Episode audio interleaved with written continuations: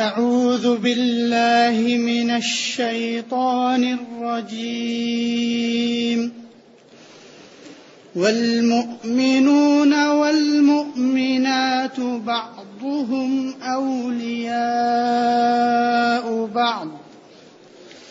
يأمرون بالمعروف وينهون عن المنكر ويقيمون الصلاة. ويقيمون الصلاة ويؤتون الزكاة ويطيعون الله ورسوله. أولئك سيرحمهم الله. إن الله عزيز حكيم. وعد الله المؤمنين والمؤمنات جنات تجري جنات تجري من تحتها الأنهار خالدين فيها. خالدين فيها ومساكن طيبة في جنات عدن ورضوان من الله أكبر. ذلك هو الفوز العظيم.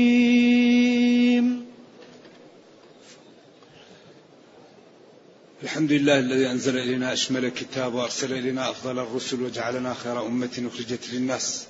فله الحمد وله الشكر على هذه النعم العظيمة والآلاء الجسيمة. والصلاة والسلام على خير خلق الله وعلى آله وأصحابه ومن اهتدى بهداه.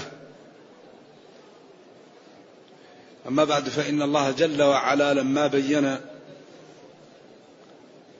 يعني حال الضالين وصفاتهم بين حال الطيبين وصفاتهم. وهكذا القرآن دائما إذا ذكر الوعيد يذكر معها الوعد. وقد سبق أن ذكرنا في هذه الدروس المباركة أن القرآن جاء ليبين سبع علوم. دائما تتكرر في القرآن. القرآن دائما جاء يبين سبع علوم ولا يمكن تقرأ آية من القرآن إلا في واحد من هذه العلوم السبعة أول شيء جاء القرآن لبيانه التوحيد وأكثر شيء في القرآن التوحيد. أغلب شيء في القرآن التوحيد. وسبق أن قلنا إن أول أمر في المصحف اعبدوا ربكم. وأول نهي في المصحف فلا تجعلوا لله أندادا. وهذا معناه لا إله إلا الله مفرقة بأدلتها. ثم جاء بعده برهان محمد رسول الله عن طريق الإقناع والإنصاف وعن طريق مخاطبة العقول النيرة والأحاسيس الجياشة. هذا يتكرر. فمن يكفر بالطاغوت ويؤمن بالله. اعبدوا ربكم. من هو ربنا الذي نعبد؟ خلقكم وآباءكم وخلق السماء وخلق الأرض وأنزل المطر من السماء وأخرج النبات من الأرض. فلا تجعلوا لله أندادا والحال أنكم تعلمون أن المذكورات لا يقدر عليها إلا الله. وإن كان عندكم شك أو ريب أو تكذيب فالميدان فالدليل على صدقي ما أنزلت على رسولي وأنتم أصحاب فصاحة وبلاغة ووصلتم في ذلك إلى الذروة فأتوا بمثله. فإن عجزتم ولم تستطيعوا فهناك الخطر ماثل وقد أوعد المكذب به النار فاتقوا النار. ثم بعد التوحيد تخويف من يوم القيامة وخطورته وما فيه. يوما يجعل الولدان شيبا يوم يفر المرء من أخيه يوم لا تجزي نفس عن نفس شيئا. يوم مقداره خمسين ألف سنة تخويف من هذا اليوم. ثم بعد النبوات ما يجب على الأنبياء وما يحرم وما يجوز. ثم بعد ذلك الأحكام الشرعية. وآيات الأحكام قد تكون خمسمائة إلى ستمائة إلى سبعمائة بالكثير.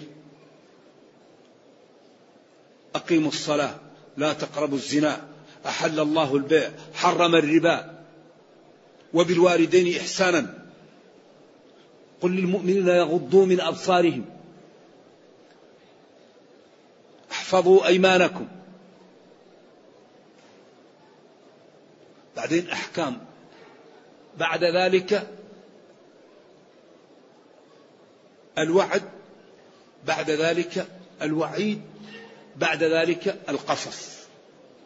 وهذا يتكرر يتكرر يتكرر. فاليوم عندنا الوعد. والمؤمنون والمؤمنات. معطوف على الجمل قبلها. المؤمنون جمع مؤمن والمؤمن هو الذي اتصف بأحد عشر صفة. اتصف بأركان الإيمان الستة وأركان الإسلام الخمسة. والمؤمنات. وبعدين قابلهم بالمنافقين وزاد صفة. لأن لم يتصف بها المنافقون والمؤمنون والمؤمنات. بعضهم أولياء بعض. قال المؤمنون والمؤمنات وهنا قال المنافقون والمنافقات وهنا قال بعضهم أولياء بعض. أولياء تعبير بالولاية فيه نوع من الجمال والحسن. أما المنافقون بعضهم من بعض. هما مع بعض. لكن ما في ولاية ما في محبة ما في احترام ما فيه نزاهة ما فيه ود. فيه اتصاف مشتركين في صفة الدناءة الضلال الظلم محبة الخبث محبة الشر. يعني اللئامة. لكن المؤمنون لا. بعضهم إيش؟ أولياء. فيه ولاية محبة ود. إيثار فالولاية لها معنى ولها سر. لذلك الإسلام يرغم المسلمين على أن يوالوا بعض. لازم المسلم يوالي المسلمين. واجب. ينزع من قلبه الكراهية. ينزع من قلبه الحسد. ينزع من قلبه رؤية الفضل على الغير. ينزع من قلبه احتقار المسلمين. لأن الحديث الصحيحين لا يؤمن أحدكم حتى يحب لأخيه ما يحب لنفسه. وفي مسلم والله لا يؤمن أحدكم والله لا يؤمن أحدكم حتى يحب لأخيه ما يحب لنفسه. إذا هذه الولاية التي اتصف بها المسلمون هي مع أنها صفة لهم واجبة. ولذلك هذه أكبر سبب في نزع النفرة بين المسلمين. إذا حققوا هذا يتحد المسلمون. إذا حققوا الولاية بينهم وأنه لا بد أن تحب لأخيك ما تحب لنفسك أغلب الأمور تنتهي والإشكالات تزول. ولذا الذي يتقي الله يكون قلبه صافي على المسلمين. الذي يخاف الله لأنه يخاف أن يكون يعني لا يؤمن لا يكمل إيمان الواحد إلا إذا حب إخوانه. فإذا لم يحبهم إيمانه ناقص. لذلك كان صلى الله عليه وسلم إذا تاب الله على بعض المسلمين أو يكروا بخير يفرح. وإذا تكلم على المسلمين يحزن. ويخوف من إشاعة الفاحشة. ويخوف من, من, من إظهار عيوب الناس. ولا يريد أن يقال له شيء في أحد. إذا المؤمنون والمؤمنات بعضهم أولياء. والاه يواليه ولاية إذا صافاه وواده وأصبح له في مكان الاحترام والمحبة والتقدير والإيثار. ولي. ولذلك الله ولي الذين آمنوا. يواليهم يحميهم يمنع عنهم. من عادى لي وليا فقد آذنته بالحرب. ولا يزال عبدي يتقرب إلي بالنوافل حتى أحبه. فإذا أحببته خلاص أصبح عنده مناعة. ما المتقي ما يقاوم. الذي يتقي الله ويعلم لا يقاوم. لأن الله يحميه. قال إن عبادي ليس لك عليهم سلطان. عباد الله الذين أطاعوا واستقاموا على دينه وامتثلوا أوامره واجتنبوا نواهيه الله يحميهم. يحميهم ومن عاداهم دمره الله. ولذلك الله لا يغالب. لأن أمره إذا أراد شيئا أن يقول له كن فيكون. قال لليهود الذين اصطادوا يوم السبت كونوا قردة. فتغيرت أشكالهم. والجبل لما تجلى له جعله دكا. ولما صالح تحدوه قومه. قالوا لا نؤمن بك إلا إذا خرجت لنا ناقة من هذه الصخرة. قال وتؤمنون إذا قال فعل. قال اللهم خرجها لنا. فخرجت الناقة من الصخرة. ولما دعا الذي عنده علم من الكتاب. قال أنا أتيك به قبل أن يرتد إليك. فلما رآه مستقرا عنده. قال العلماء كيف مشى العرش؟ هل مشى في الأرض أو مشى في فوق قالوا هذا شيء لا يعقل.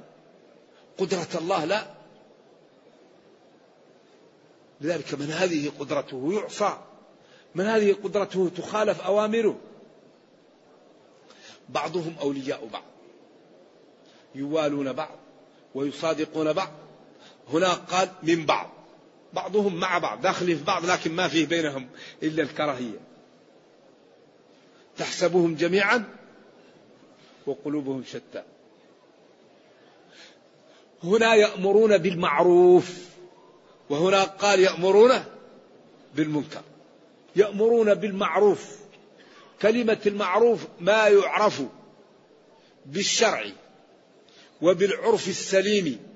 وبالطبع الصحيح جماله وحسنه وطيبته ونفعه. ويدخل فيه دخول أولي ما هو واجب أو مندوب أو مسنون. نعم. يأمرون بالمعروف. ولذلك قال خذ العفو وأمر بالعرف. من المعروف أن تبر والديك. من المعروف أن تكرم جيرانك من المعروف أن تكرم أهلك في البيت ولا تؤذيهم. خياركم خياركم لأهله من المعروف أن لا ترى إلا وأنت متصف بصفة جميلة. في مشيتك وفي لبسك وفي كلامك وفي تعاملك. أحسن المعروف أن يكون المسلم متصفا بالقدوة الحسنة. ومن المعروف أن الإنسان يهتم بدينه وبالمسلمين كما يهتم بنفسه. هذا من المعروف من الأمور المعروفة المطلوبة. ويدخل فيه كل ما هو واجب أو مندوب أو مسنون أو فضيلة. وقد تدخل المباحات في المعروف. نعم المباحات إذا لم يستغرق الإنسان فيها وقته فهي من المعروف لكن لا يزيد في المباح المباح, المباح المطلق. يأخذ منه على قدر حاجته. فإذا عمل المباحات ليتقوى ببعضها على الطاعات فهذا جائز ويكون من المعروف حسب النية. وينهون عن المنكر. عكس المنافقين والمنكر كل ما تنكره الشريعة. وهنا وقفة خفيفة. وهو أن الإنسان لا يهتدي إلا إذا أمر بالمعروف ونهى عن المنكر. وهنا نقطة. المسلم لا يهتدي إلا إذا أمر بالمعروف ونهى عن المنكر. لأن الله قال لا يضركم من ضل إذا اهتديتم. الاهتداء هنا أن تأمر بالمعروف وتنهى عن المنكر. عند ذلك إذا خالفك مخالف لا يضرك ضلاله. والأمر بالمعروف والنهي عن المنكر له ثلاثة فوائد. الفائدة الأولى حتى لا يبقى لهذا الضال عذر يوم القيامة. لا يقول يا رب ما جاءني أحد. ولذلك قال لأن لا يكون للناس على الله حجة بعد الرسل. نقطع عليه العذر. هذا أول واحدة. ثاني واحدة لكي يهتدي. وينجو من النار بدعوتنا. كما قال ولعلهم يتقون. الثالثة وهي أخطر شيء لتنجو أنت بنفسك. لأن الذي يرى أخاه يقارف المعاصي ولم ينهه. فيوشك أن يلببه عند قدم الصراط ويقول يا رب إن فلانا رآني أفعل وأفعل ولم ينهني. لذلك قال معذرة إلى ربكم. معذرة إلى ربكم. واحد يأخذ العذر. وهو فرض عين. إذا لم يقم به من رأى منكم منكرا فليغيره. لكن إذا رأيت منكر وغيره غيرك يكفي عنك. من جهة يكون فرض كفاية ولكن إذا جاء واحد وسلم لازم يرد عليه. وإذا حييتم بتحية فإذا رد واحد وإذا قام واحد يعني أنكر المنكر أو أمر بالمعروف إن شاء الله أن الآخرين إيش؟ فلولا نفر من كل فرقة منهم ليتفقهوا في الدين. نعم. وأخطر شيء على الشعوب وعلى الأمم هي أن ترى المنكر ولا تغيره ولا تتغير لأجله فإن هذا خطورته لا يعلمها إلا الله. لأنه إذا فشل الخطر وفشت المعاصي ولم تغير الصالح والطالح إيش؟ كلهم يروحوا. أنهلك وفينا الصالحون؟ قال إيش؟ نعم إذا كثر الخبث. واتقوا فتنة لا تصيبن الذين ظلموا. لا تختص بالظالمين. إن الناس إذا رأوا الظلم ولم يأخذوا على يديه أو شك أن يعم الله بعذاب. قالت نعم قال لها نعم إذا كثر الخبث.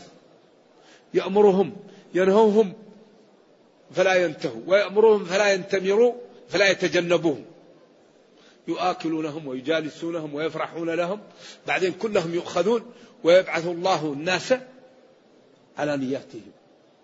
فيكون للمتقي انتهاء أجل وللعاصي عقوبة. إذا من المهم الأمر بالمعروف والنهي عن المنكر. لكن يشترط في الآمر أن يكون عالما. وإلا لجعل المنكر معروفا والمعروف منكرا. ثاني شيء يشترط على الآمر أن يكون وازنا للأمور حتى يرتكب خف الضررين. لأنك أحيانا لو أمرت بالمعروف أو نهيت عن منكر جاء منكر أكبر منه فتسكت فذكر إيش؟ إن نفعت ذكرى. الثالث أن يكون ذلك بالحكمة بوضع الأمور في موضعها وبالكلام البليغ الحسن الذي لا تجريح فيه ولا تنقص وهو مقنع ومكتمل للشروط التي بها يقبل الكلام.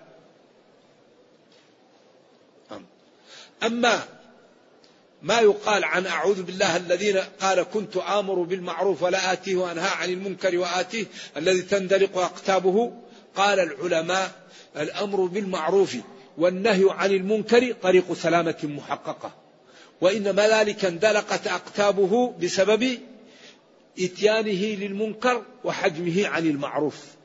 وأما قضية الأمر بالمعروف لا يضر حتى ولو إنسان ناقص لأن هذه طريق سلامة محققة لكن أمره ونهيه لم يكفي لكثرة إقدامه عليه على الذنوب أو أنه كان يقول ذلك رياء وسمعة ولا حقيقة له نعم. مما يحسن بالداعية وبالآمر أن يكون منفذا فإنك إذ ما تأتي ما أنت آمر به تلف من إياه تأمر آتيا. وغير تقي يأمر الناس بالتقى. طبيب يداوي الناس وهو مريض. فمن المستحسن أن الداعية ينفذ ما يقول. كما قال العبد الصالح وما أريد أن أخالفكم إلى ما أنهاكم عنه. جاء رجل لابن عباس قال له أنا أريد أن نأمر بالمعروف ونهى عن المنكر. قال وبلغت ذلك؟ قال أرجو. قال إن أمنت من أن تفضحك ثلاثة حروف؟ قال وما هي؟ قال قوله أتأمرون الناس بالبر وتنسون أنفسكم وأنتم تتلون الكتاب أفلا تعقلون؟ وقوله تعالى كبر مقتا عند الله أن تقولوا ما لا تفعلون. وقوله وما أريد أن أخالفكم إلى ما أنهاكم عنه. إن, إن أمنت من أن تفضحك هذه الكلمات فتفضل. إذا يأمرون بالمعروف وينهون عن المنكر. هذه مقابلة لإيش؟ لصفات النفاق. يأمرون بالمنكر وينهون عن المعروف.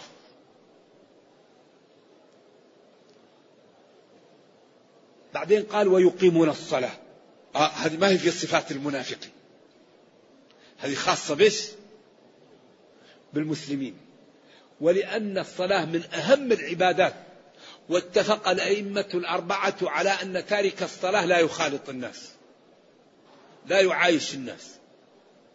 الأئمة الأربعة اتفقوا على أن تارك الصلاة لا يخالط المجتمع. إما أن يقتل وإما أن يسجن ويضرب. فالذين قالوا يقتل اختلفوا. فبعضهم قال يقتل كفرا وبعضهم قالوا يقتل حدا. وبعضهم قال يسجن ويضرب حتى يصلي أو يموت. ودليل الذين قالوا يقتل كفرا واضح. ودليل الذين قالوا يسجن ويضرب واضح.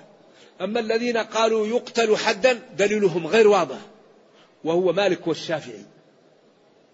أحمد في الرواية المشهورة قالوا يقتل كفرا لأن النبي صلى الله عليه وسلم قال العهد الذي بيننا وبينهم الصلاة فمن تركها فقد كفر. ليس بين العبد أو الشرك إلا ترك الصلاة. من ترك الصلاة فهو مع فرعون وهامان وقارون وأبي بن خلف. وكل العبادات تسقط عمن عنده عقل إلا الصلاة.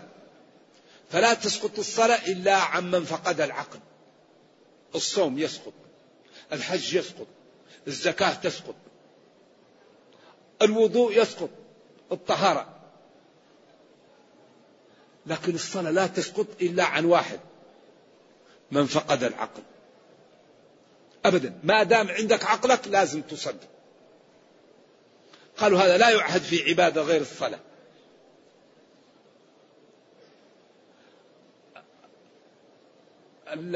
أبو حنيفة قال لا يحل دم امرئ مسلم إلا بإحدى ثلاث. كفر بعد إيمان وش؟ وزنا بعد إحصان وقتل النفس المعصومة بغير نفس. إذا قال وتارك الصلاة ما هو منهم إذا لا يقتل. لكن يسجن وكل يوم يطلع ويضرب حتى يصلي أو يموت. إذا لا يخالط الناس. أحمد قال كافر يقتل ردة. أبو حنيفة مالك والشافعي قالوا يقتل حدا. وهذا الدليل فيه خفاء. لأنهم لم يقولوا إنه كافر وقالوا يقتل والقتل في ثلاث. الردة هم قالوا ليس مرتد. زنا بعد إحسان هو لم يفعل لم يقتل نفس. لكن استدل مالك والشافعي بكثرة مفاهيم المخالفة الموجودة في النصوص أن الذي يصلي لا يقتل. الذي يصلي لا يقتل. فيفهم من دليل الخطاب أن الذي لا يصلي يقتل. فخالد قال له دعني أقطع عنقه. قال إنه يصلي. قال يصلي ولا صلاة له. قال نهاني ربي عن قتل المصلين. وقال فإن تابوا وأقاموا الصلاة. إذا إذا لم يقيموا الصلاة يعني إذا كثرت مفاهيم المخالفة الموجودة في الكتاب والسنة أن المصلي لا يقتل. فيفهم من دليل الخطاب أن الذي لا يصلي المفهوم أنه يقتل. المهم أن الأئمة اتفقوا على أن تارك الصلاة لا يخالط الناس. لذلك لا ينبغي للإنسان أن تكون حياته غير شرعية. ينبغي أن نهتم بالصلاة ونحافظ عليها. وقال يقيمون الصلاة. يقيمون الصلاة. الإقامة فيها أركان وواجبات وسنن وأنداب وشروط. أقام. أتى بها تامة. ولذلك من أكبر ما يحمي من الذنوب الصلاة. الصلاة مثل النهر الجاري. يعني كل ما صلى إن الصلاة تنهى عن الفحشاء والمنكر. فالذي يصلي ولا ولا يقلع عن عن المعاصي معناته صلاته فيها شيء. يراجع صلاته. أما الذي يصلي الصلاة تمنع تحفظه سياد عن الذنوب. ومما رزقناهم ينفقون. ومما رزقناهم ينفقون مقابل هناك يقبضون أيديهم. شوف الفرق بين الصفات. يؤتون الزكاة هي ومما رزقناهم ينفقون. يؤتون الزكاة. يؤتون يؤدون الزكاة. وبعدها ومما رزقناهم ينفقون. يقيمون الصلاة. أيوة. ويؤتون الزكاة هي ومما رزقناهم ينفقون هي. ويؤتون الزكاة. يعني يدفعون من أموالهم. هنا قال ويقبضون أيديهم. إذا هذه مقابلة لهذه. والزكاة هنا قال العلماء كل ما جاءت الزكاة في الشرع فهي الزكاة الواجبة.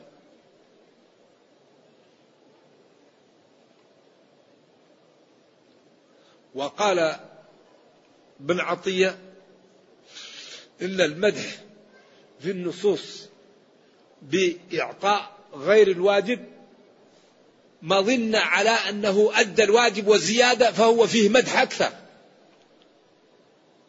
لأن الواجب يعني لازم الجميع لكن الذي يمدح بأنه فعل غير الواجب هذا مظنة على أنه فعل الواجب وزاد عليه. لكن أكثر النصوص على أن آه، الزكاة هي المفروضة. ومما ويؤتون الزكاة ويطيعون الله ورسوله. ويطيعون الله ورسوله. يقابلها نسوا الله فنسيهم. يطيعون الله ورسوله. والزكاة تقدم الإشارة إلى أنواعها. ويطيعون الله ورسوله. هنا قال نسوا الله فنسيهم. ويطيعون الله ورسوله. طبعا قال العلماء إن يأمرون بالمعروف. من أهم المعروف لا إله إلا الله. ومن أخطر المنكر الشرك بالله. هذه هي كبريات المعروف والمنكر. ثم تأتي بعد ذلك الأمور متدرجة. من المعروف إماطة الأذى عن الطريق. من المنكر وضع الأذى في الطريق. يعني يحط الشوك أو يحط الحفر في طريق الناس. هذا هذا من المنكر. لذلك يعني الإيمان على شهادة أن لا إله إلا الله وأدناه إماطة الأذى عن الطريق. وكل هذا أمور متفاوتة. ويطيعون الله فيما شرع ونبيه فيما سن. أولئك لا غيرهم من المنافقين. ومن المشركين. أولئك فيها, فيها إغماض في أولئك. أولئك لا غيرهم. لا ما تقدم من المنافقين والكافرين. أولئك الذين وبعدين صار أولئك في في جمال لهم وفي حصر عليهم. سيرحمهم الله. س تجعل الفعل مستقبل. وهذا الاستقبال يجعل الإنسان يتمتع بهذا الأمر قبل أن يأتي وهذا التمتع مهم جدا. لأنك أنت إذا قيل لك أنك ستجد مكرمة هذه مكرمة قبل المكرمة تفرح بها وتطمئن لها ويكون الإنسان مسرور بها وأنت قبل أن تأتيها. في نوع من؟ من من, من أيوة اشتياق وفرح. أولئك لا غيرهم سيرحمهم الله. فيبقى الواحد مسرور قبل أن يأتي هذا الشيء. فإذا جاء ينزاد السرور على السرور. إن الله عزيز غالب. غالب. حكيم يضع الأمور في مواضعها. كل شيء يضع في موضعه. ومن حكمته تعذيبه للمنافقين ورحمته للمتقين. وإعطائه للصادق وللمستقيم الأجر وعقوبته للمجرم وللظالم. كل هذا من حكمته ومن عزته أنه يجعل الظالم والمتجبر يحشرون مثل الذر. إن المتكبرين يوم القيامة يحشرون كالذر. قال فلا نقيم لهم يوم القيامة وزنا. احقر الناس يوم القيامة المتكبرون المختالون. ولذلك الله نبه العقلاء. قال ولا تمشي في الأرض مرحا. المرح هو التبختك هكذا يمشي كأنه يختال. بعدين لماذا؟ لأنك ان ان ضربت في الأرض لن تخرق الأرض وإن شمخت بأنفك لن تبلغ الجبال طولا. أعرف نفسك. فالأرض أقوى منك لا والجبل أطول منك وأشمخ وأعظم. إنك لن تخرق الأرض ولن تبلغ الجبال طولا. وقال في حق المتقين الذين يمشون على الأرض هونا. شوف هؤلاء يمشون على الأرض هونا. هذا قال إنك لن تخرق الأرض. بعدين وإذا مروا باللغو مروا كراما. إذا جاء شيء يأتي لمامة ما يماحك ولا يعمل الأمور يمر عليها. سبحان الله ما أجمل هذا الدين. كلام رائع الحقيقة. ديننا دين جميل. يعالج كل قضية. يأتي بالسعادة يأتي بالجنة يأتي بالقوة يأتي بالعزة يأتي بالسعادة المتعة. كل شيء في ديننا. لكن ينبغي أن نأخذه بقوة. ينبغي أن نبذل الوقت في فهمه. ينبغي أن نبذل الوقت في تدبره. كتاب أنزلناه إليك مبارك إيش؟ ليدبروا ليدبروا. بعدين إذا تدبر الإنسان هذا الكتاب يطلع من الكنوز. كنوز. إلا فهما يعطيه الله رجلا في كتابه. هذا باب مفتوح إلى قيام الساعة. كل ما تدبر الإنسان يجد السعادة يجد الخير يجد العز. لذلك نحن الآن أكبر مشكلة نعيشها ما هي؟ ما هي أكبر مشكلة نعيشها؟ باختصار أوامر معطلة ونواهي منتهكة. هذا هو الذي قوضنا. أوامر معطلة. تعاونوا. تعاونوا أعدوا ولا تنازعوا. وقسوا على الأمر وعلى هذا النهي. أوامر معطلة ونواهي منتهكة هي التي قوضت. وبعبارة أخرى الدنيا يحكمها قانون إيش؟ المعاوضة أوفوا بعهدي. إن الله اشترى كيف الواحد يريد الثمن ما دفع المثمن؟ إذا لا بد أن نهتم بأن ندفع الثمن الأسباب. فإذا دفعنا الأسباب أخذنا الثمن. أما إذا كان كل واحد ما يرضى يدفع طيب ويريد السلعة هذا ما هو إنصاف. الكيل بمكيالين ما يصلح. الله لا تخفى عليه خافية. ولا يقبل إلا ما كان له. ولن يدخل الجنة إلا نفس مؤمنة.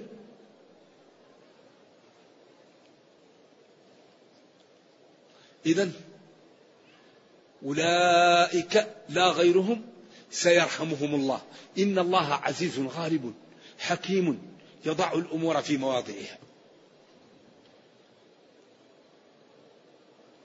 بعدين قال وعد الله. وعدهم.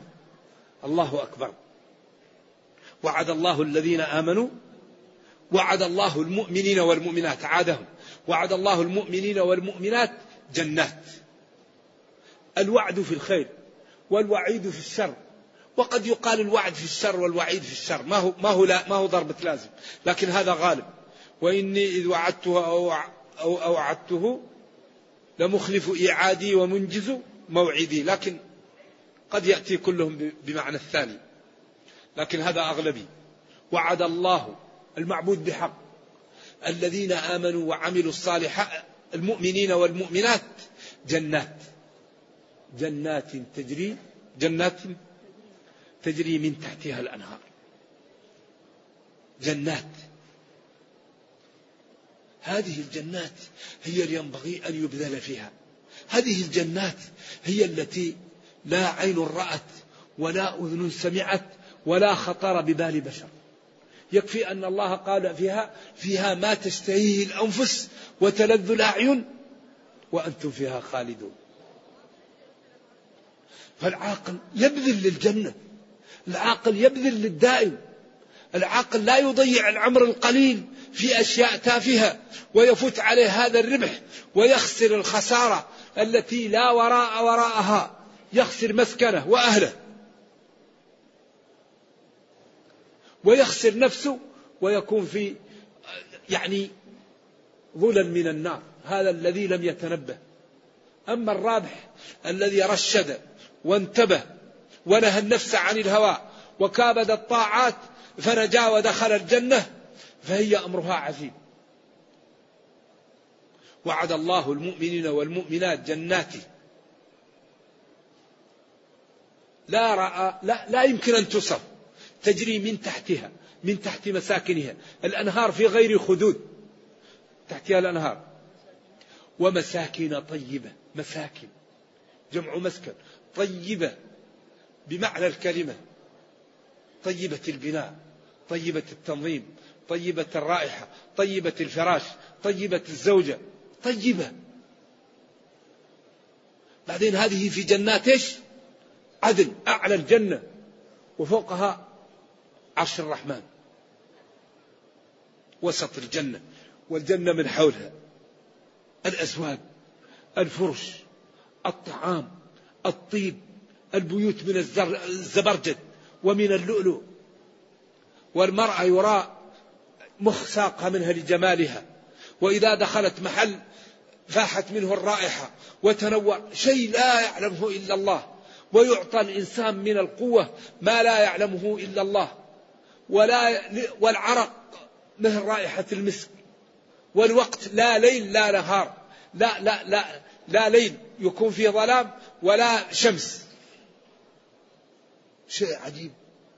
فلذلك ينبغي أن نجتهد حتى ندخل الجنة. ينبغي أن نجتهد. ومن أكبر ما يدخل الجنة هو أن الإنسان يمسك هذا. يمسك ما بين لحيه وما بين رجليه. لأن هذا أكثر ما يدخل الناس النار. ما بين الفرج واللسان. هذان هما اللذان إيش يوبقان الناس. فينبغي الحقيقة أن أن أن ننتبه. وأكثر ما يدخل الناس الجنة حسن الخلق. حسن الخلق عجيب. ينال به الرجل إيش؟ درجة الصديقين. حسن الخلق من ثلاثة كلمات. بذل المعروف وكف الأذى وطلاقة الوجه. تبذل معروفك للناس. و و و و وتكف أذاك عن المسلمين. وإذا رأيت أخاك تلقاه بوجه طليق هذا هو حسن الخلق. جنات عدن تجري خالي ومساكن طيبة في جنات عدن. قالوا أعلى الجنة جنات عدن. العدن هو سكن. عدن بالمكان إذا سكن. خالدين لا خروج منها. ثم قال بعد ذلك ورضوان من الله أكبر. رضوان رضوان رضا من الله. وقبول عمل العبد. ورضا الرب عنه هذا لا مثيل له. ولذلك قال العلماء المتع المعنوية أقوى من المتع الحسية. لأنه قال ورضوان من الله أكبر. أكبر من جنات عدن. لأن لأن رضا الله هو كل شيء. فلذلك قالوا إن الأمور المعنوية أقوى وأكثر تأثير على الإنسان من الأمور الحسية. لذلك أمر بالذي يجلد أن يشهد عذابه طائفة من المؤمنين لأن هذا جانب عقوبة معنوية يعني حسية معنوية ليست حسية. أيوة معنوية. ليست مشاهدة ليست ضرب وإنما هو ألم للقلب حتى يجمع له بين الجهتين.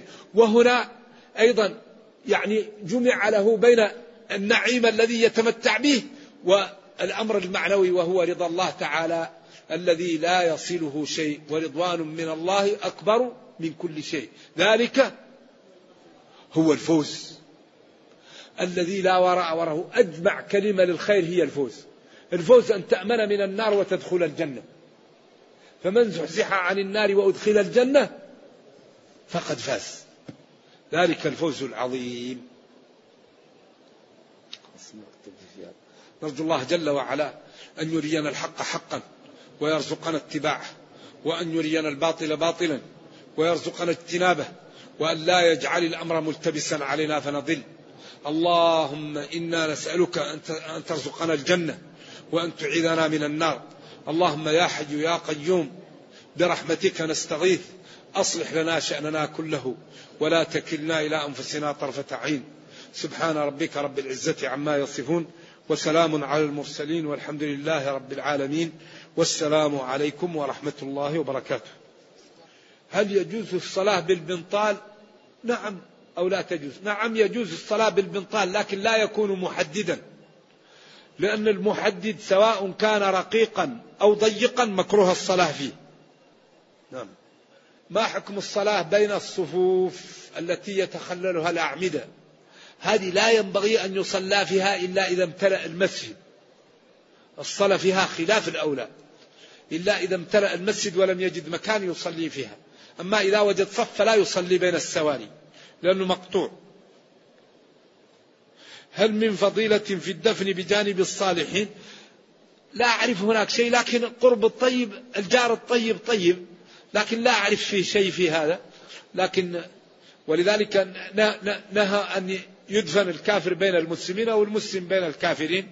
ينبغي أن لا تكون المقابر المسلمين والكافرين مع بعض. يفصل بينها. لكن الإنسان إذا مات لا ينفعه إلا عمله. خلاص.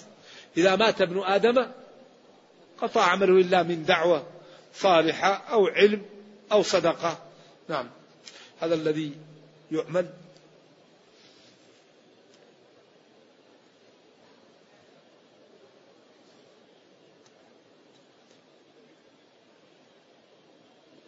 أين تعتد المرأة في بيت زوجها أم في بيت أبيها؟ إذا كانت رجعية فالأولى أن تعتد في بيت زوجها إذا كانت رجعية. لأنه لا تدري لعل الله يحدث بعد ذلك أمرا وهو أن يراجعها. فإذا كانت بائن تذهب لبيت أهلها. نعم.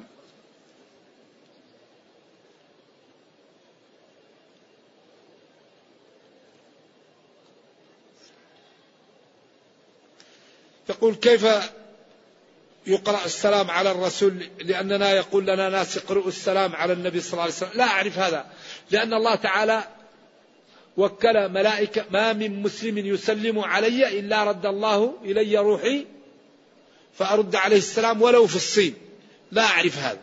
ولا أعرف أنه كان يقولوا سلموا ما أعرف هذا. من عنده علم من حفظ حجة على من لم يحفظ أنا لا أعرف هذا.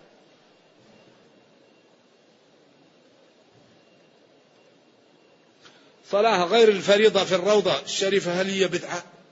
كيف تكون بدعة ونبينا صلى الله عليه وسلم قال ما بين بيتي ومنبري روضة من رياض الجنة. وأقل ما يقال فيه أن هذا المحل فيه فضيلة. اختلف العلماء ما المقصود بهذا.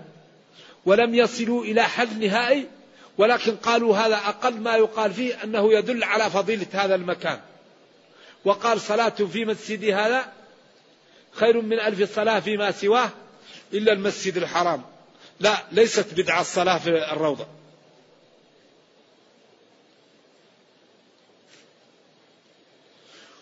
أريد أن نعتمر عن جدتي التي ماتت. هل يوجد صفة محددة للعمرة؟ تقول لبيك عن جدتي أو عن فلانة وتعمل العمرة التي ولك الأجر ولها الأجر وتدعو لنفسك ولها. وتؤجر إن شاء الله. يقول نحن ما لنا في بلادنا نستخدم الحمار أكرمكم الله. السؤال كلما مررت على حمار أيوة أيوة هل معنى ذلك أن معي شيطان؟ لا الحمار دابة وركوب الحمار لا يضر إذا احتاج له الإنسان. وركبه من هو أشرف الخلق. صلى الله عليه وسلم. لا يضر هذا.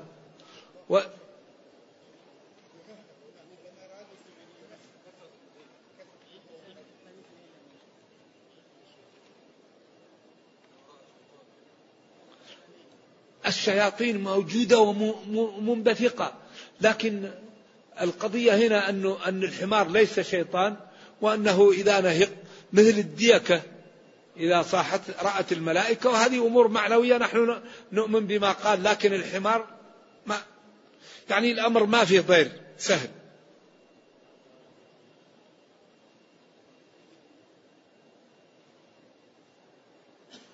هل يجوز إلقاء السلام على تارك الصلاة كسلا وتهاونا؟